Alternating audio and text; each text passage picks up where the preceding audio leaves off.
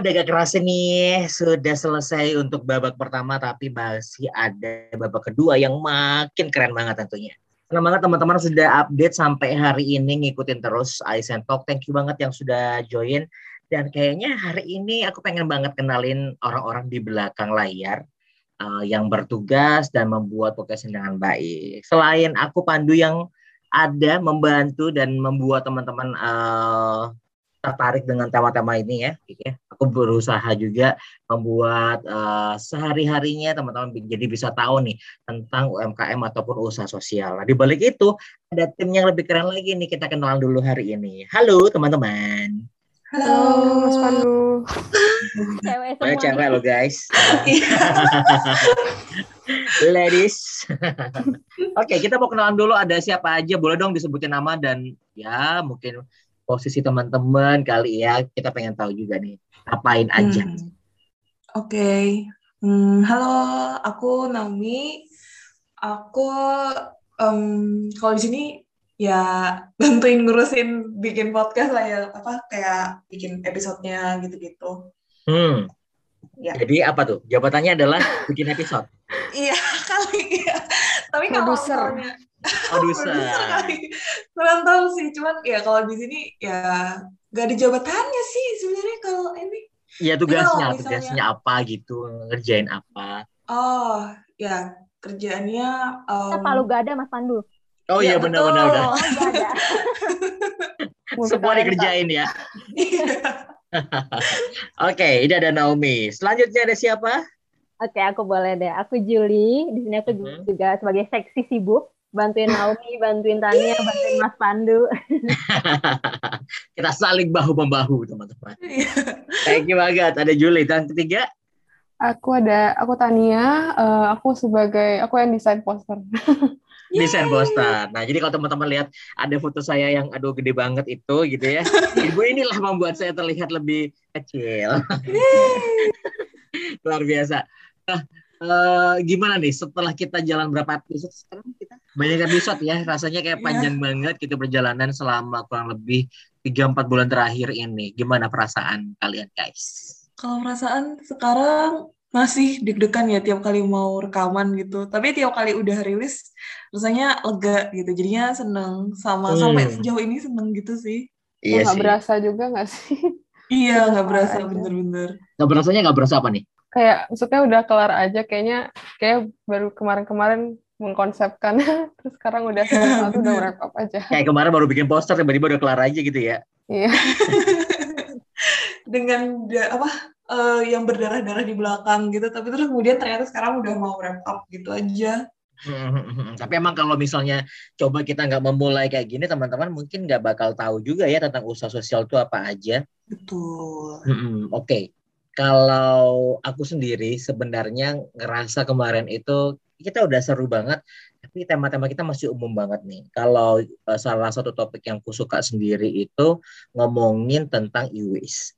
Kalau sampah kan kita susah banget ya uh, nemuin yang mau ngurusin elektronik waste gitu. Di mana yang bisa uh, mendaur ulang buat sampah elektronik. Sedangkan kita paling mikirin sampah plastik gitu ya sampah-sampah yang bisa diubah jadi macam-macam dan ini menarik banget buat aku sendiri. Buat kalian ada tema yang menarik gak yang kemarin kita bahas itu? Kalau aku um, tema yang menarik, yang paling yang paling berkesan gitu ya. Salah satu yang paling berkesan itu tema rekaman kita pertama kali sama Mas Pandu itu bareng sama Katufa dari Plus. Mm-hmm. Dia ngomongin tentang iya dasar-dasar sosial, sih dasar-dasar usaha sosial gitu. Tentang gimana konsepnya terus kemudian um, apa aja masalah. Itu kayak banyak buat kita kita ngalor gitu ngalor gitu tapi uh, insightnya banyak. Jadi uh, kayak nggak kerasa gitu. Ternyata udah rekamannya udah panjang banget gitu kan. Terus uh, apa? Itu yang jadinya juga salah satu episode yang menurutku banyak banget uh, beberapa bahannya tuh aku pakai buat bikin um, rancangan episode-episode ke depan gitu sih. Aku setuju banget sih. Waktu sama Kak Tufa itu kalau nggak salah kita banyak banget dapat insight tentang usaha sosial. Bahkan kita belum ngebahas, pengen ngebahas lebih dalam udah dibahas dari awal ya. Iya, bener bener bener. banyak banget gitu ya terbahas. Iya sih seru banget uh, dari Katufa ini. Kayaknya boleh lah kita nanti di sesi kedua kita akan mengundang Katufa lagi kali ya. Boleh, boleh, boleh. Kita boleh. akan coba. Oke, kalau dari Jul sendiri, Bu Jul.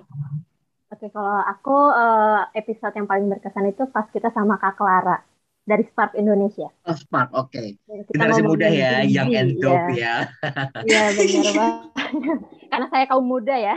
Oke, oh, baik. udah. Eh, di situ kita kayak apa namanya cerita-cerita karakter anak muda masa kini, terus apa namanya eh, gimana sih anak muda bisa memberikan dampak, terus apa sih yang eh, Spark lakukan untuk bisa memotivasi anak-anak muda supaya bisa memberikan dampak untuk eh, lingkungan sekitar kayak gitu-gitu. Episode itu tuh jadi kayak sadar gitu loh ternyata anak muda di Indonesia itu nggak cuma bisa apa namanya yang selama ini kan dipandangnya kayak cuma kaum rebahan yang suka scrolling scrolling Instagram gitu kan. Nah ternyata Benar-benar. anak muda di Indonesia itu tuh eh, masih banyak loh yang mereka tuh ingin berdampak, ingin memberikan solusi untuk masalah-masalah di sekitar mereka gitu. Cuma emang mereka tuh belum tahu aja cara mulainya gimana. Nah di Spark ini mereka mungkin bisa ketemu sama yang sebayanya mereka yang punya eh, visi dan misi yang sama, terus saling tukar pikiran gimana caranya memulai suatu aksi supaya bisa berdampak buat orang lain gitu sih. Iya sih, benar juga sih. Dan jadinya dari Spark kemarin juga ada beberapa orang cerita, oh ternyata para pemuda ini juga masih mikirin ya tentang ke depannya kita akan seperti apa. Jadi Iya. kebuka lagi gitu orang-orang kan sekarang pandemi, diem aja di rumah gitu. Kita ya mereka nggak diem-diem aja gitu. Ada secara eh, mungkin dari dalam gitu ya, nggak kelihatan eh, keluar banget, tapi mereka sebenarnya berimpact nih buat masyarakat. Seru banget sih melihat ini. Seru banget anak muda. Sekarang anak muda yang lain, silakan Tania. Bagaimana? Eh, Apa yang menarik itu apa? Aku yang menarik itu eh, episode 9 yang sama For Good. Itu tuh menarik soalnya bahas tentang strategi komunikasi di social entrepreneurship kan. Nah, menurutku itu menarik karena selama ini kalau ngomongin SE itu seringnya tuh bahasanya tentang misalnya apa yang ingin dibantu, actionnya apa, programnya apa, tapi kadang eh, bagaimana menampilkan citra keluarnya itu juga penting gitu dan apa ya For Good ini sendiri kayak mencoba meng, meng apa ya bahasanya Mem- apa ya soalnya banyak banyak SI yang kekurangan di hal itu dan For Good tuh berusaha mengakomodasi mengakomodasi itu gitu dan itu menurutku sesuatu yang bagus gitu biar action dari SI yang udah bagus ini bisa lebih terdengar keluar gitu. Iya, for good ya. Salah satu tamu yang bikin eh, banyak yang saya juga, salah satunya juga for good juga sih. Menurutku for good ini gerakannya nggak biasa-biasa aja gitu loh. Iya nggak sih, Tan? Eh, banyak eh, berimpact juga untuk yang UMKM lainnya gitu, lebih luas lagi cakupannya. Atau jangan-jangan karena ini berhubungan sama desain juga nih, Tania jadi tertarik juga. Iya mungkin ya. Karena ya, karena aku ada di bidang itu kan. Jadi apa ya aku melihat bahwa selain apa ya eh, programnya selain harus bagus tapi citra ke luarnya juga bagus gitu. Biar biar Setuju. orang tuh tahu gitu bahwa kita tuh membuat sesuatu yang bagus gitu kalau misalnya kita bikin bagus tapi nggak ada yang tahu kan sayang gitu ya Benar-benar Hmm. benar-benar. Dan ini juga salah satu contoh menurutku ada gambaran anak desain tuh bisa apa sih? Ya bisa bantu kayak gini gitu. Jadi for good belajar hal apa pun yang kita lakukan itu bis- bisa menjadi impact yang besar. Eh, misalnya pekerjaan-pekerjaan yang eh, rutin seperti sekretaris atau mungkin eh, akuntan gitu ya. Sebuah pekerjaan itu bisa kita apa ya gambarkan sebuah hal yang penting banget. Semua semua profesi ini penting gitu loh. Dan dari sini aku juga dari Forgo juga belajar bahwa apa pun yang kita lakukan itu asalkan kita memang tahu tujuannya untuk siapa dan kita bergerak eh, di bidang apa pun kita bisa melakukan itu. Ya nggak sih? Tapi kalau misalnya kita ngobrolin tadi dari Mas Pandu kan dapat kalau saya dari for good itu tuh bahwa yang namanya desain, yang namanya branding itu penting. Kalau misalnya dari episode yang paling Mas Pandu suka itu apa insight yang paling nempel di Mas Pandu? ini aku aja nih Nanti Iya, aku juga tanya ke yang lain. Mas Pandu dulu.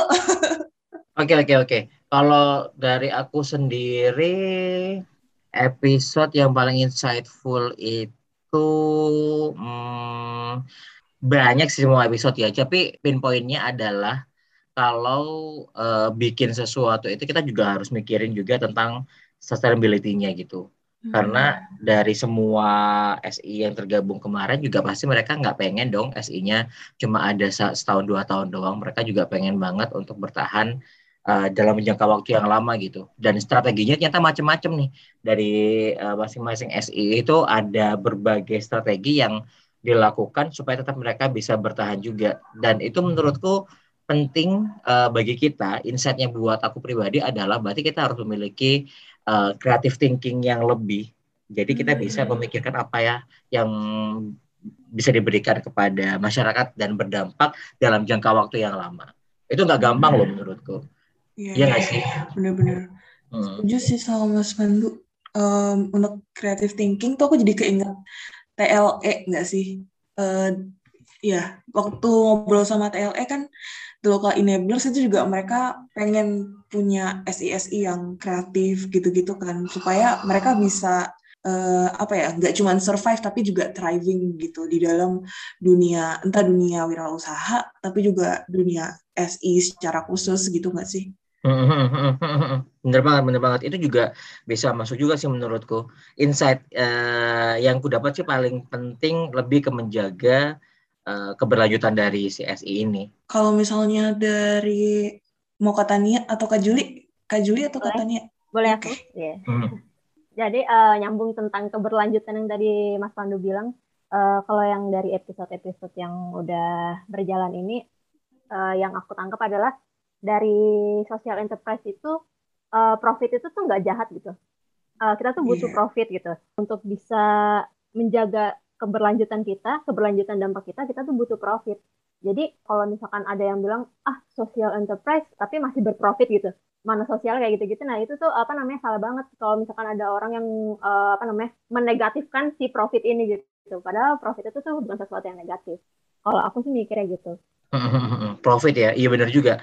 Profit itu salah satu yang bikin kita bertahan, bukan hanya tentang mengantongi keuntungan doang, tapi eh, dan kemarin juga si SI ini mereka juga ngomongin profitnya juga bakal kembali juga beberapa uh, untuk keberlanjutan juga bener sih ini menarik menarik Tadi ya gimana Tan? Menurut lo Tan? Aku nggak ada yang satu yang sangat menonjol gitu, hmm, tapi sama ya, aku juga nggak menonjol. tapi secara umum aku menangkap sesuatunya gitu. Iya, tapi secara umum aku lebih kayak apa ya?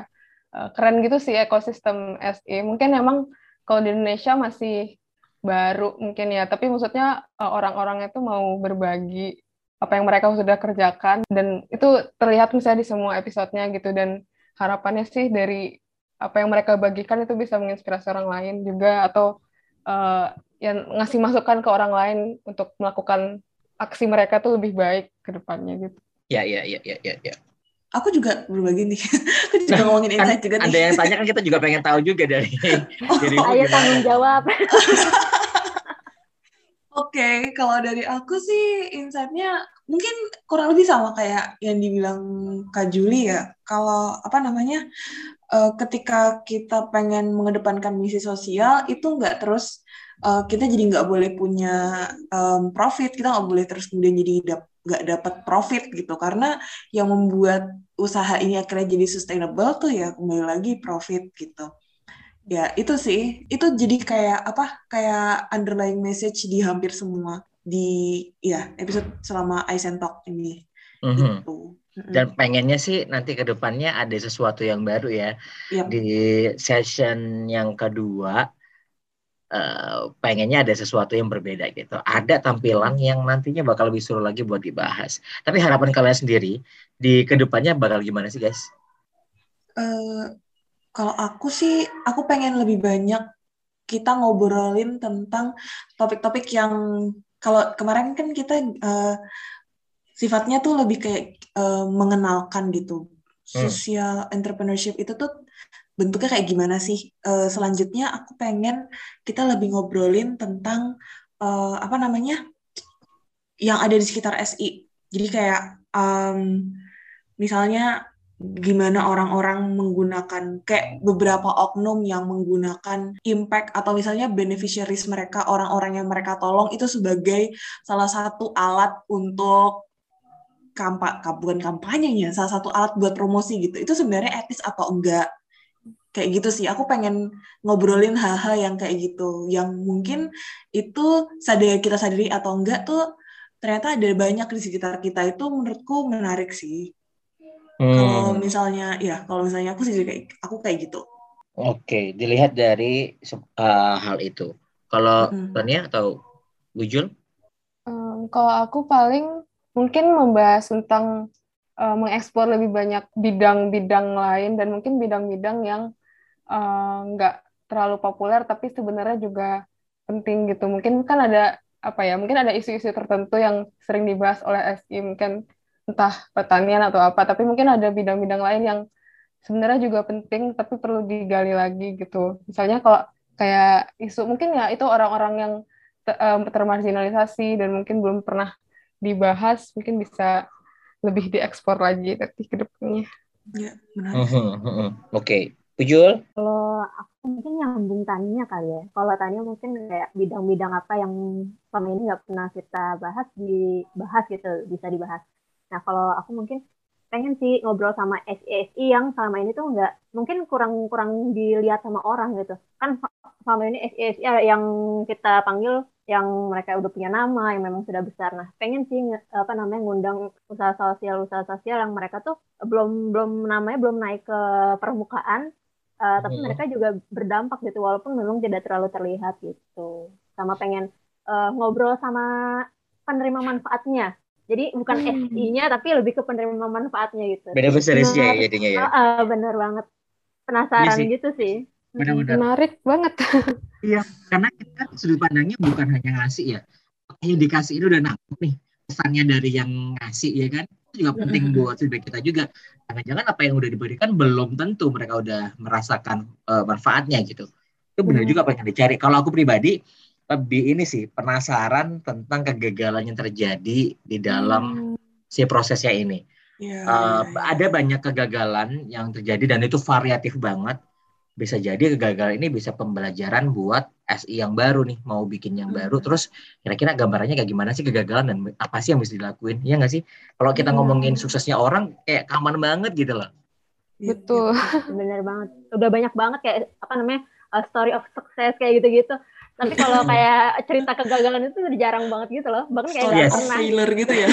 Iya. Karena uh, autentiknya orang terlihat dari bagaimana dia bisa bangkit dari kegagalan. Wih, uh, in in a point nggak semua orang bisa bertahan kan. Ada yang hmm. SI yang mau hilang akhirnya hmm. ada yang dia bangkit dengan terseok-seok dan akhirnya mungkin butuh 10 tahun baru mereka bisa benar-benar dikenal. Ada juga yang karena dia bangkitnya cepat banget dia mungkin dua tiga tahun udah lebih dikenal SI-nya gitu. Anything is possible dari sebuah uh, kejadian. Jadi penasaran banget dengan kegagalan para SI ini. Kalau ada yang mau cerita sih nanti. Kalau penasaran dengan topik bahasan baru kita, tunggu kelanjutannya di Aizen Talk Season 2. Karena kita akan bahas sudut pandang berbeda, kisah, dan topik lain yang lebih menarik. Buat teman-teman yang belum dengar episode sebelumnya, tenang aja, masih tersedia semua di Spotify. Kalau ada saran dan masukan, bisa DM langsung ke at official.aisen dan at usaha sosial underscore ID. Aisen Top. Sending social enterprise spirit to you.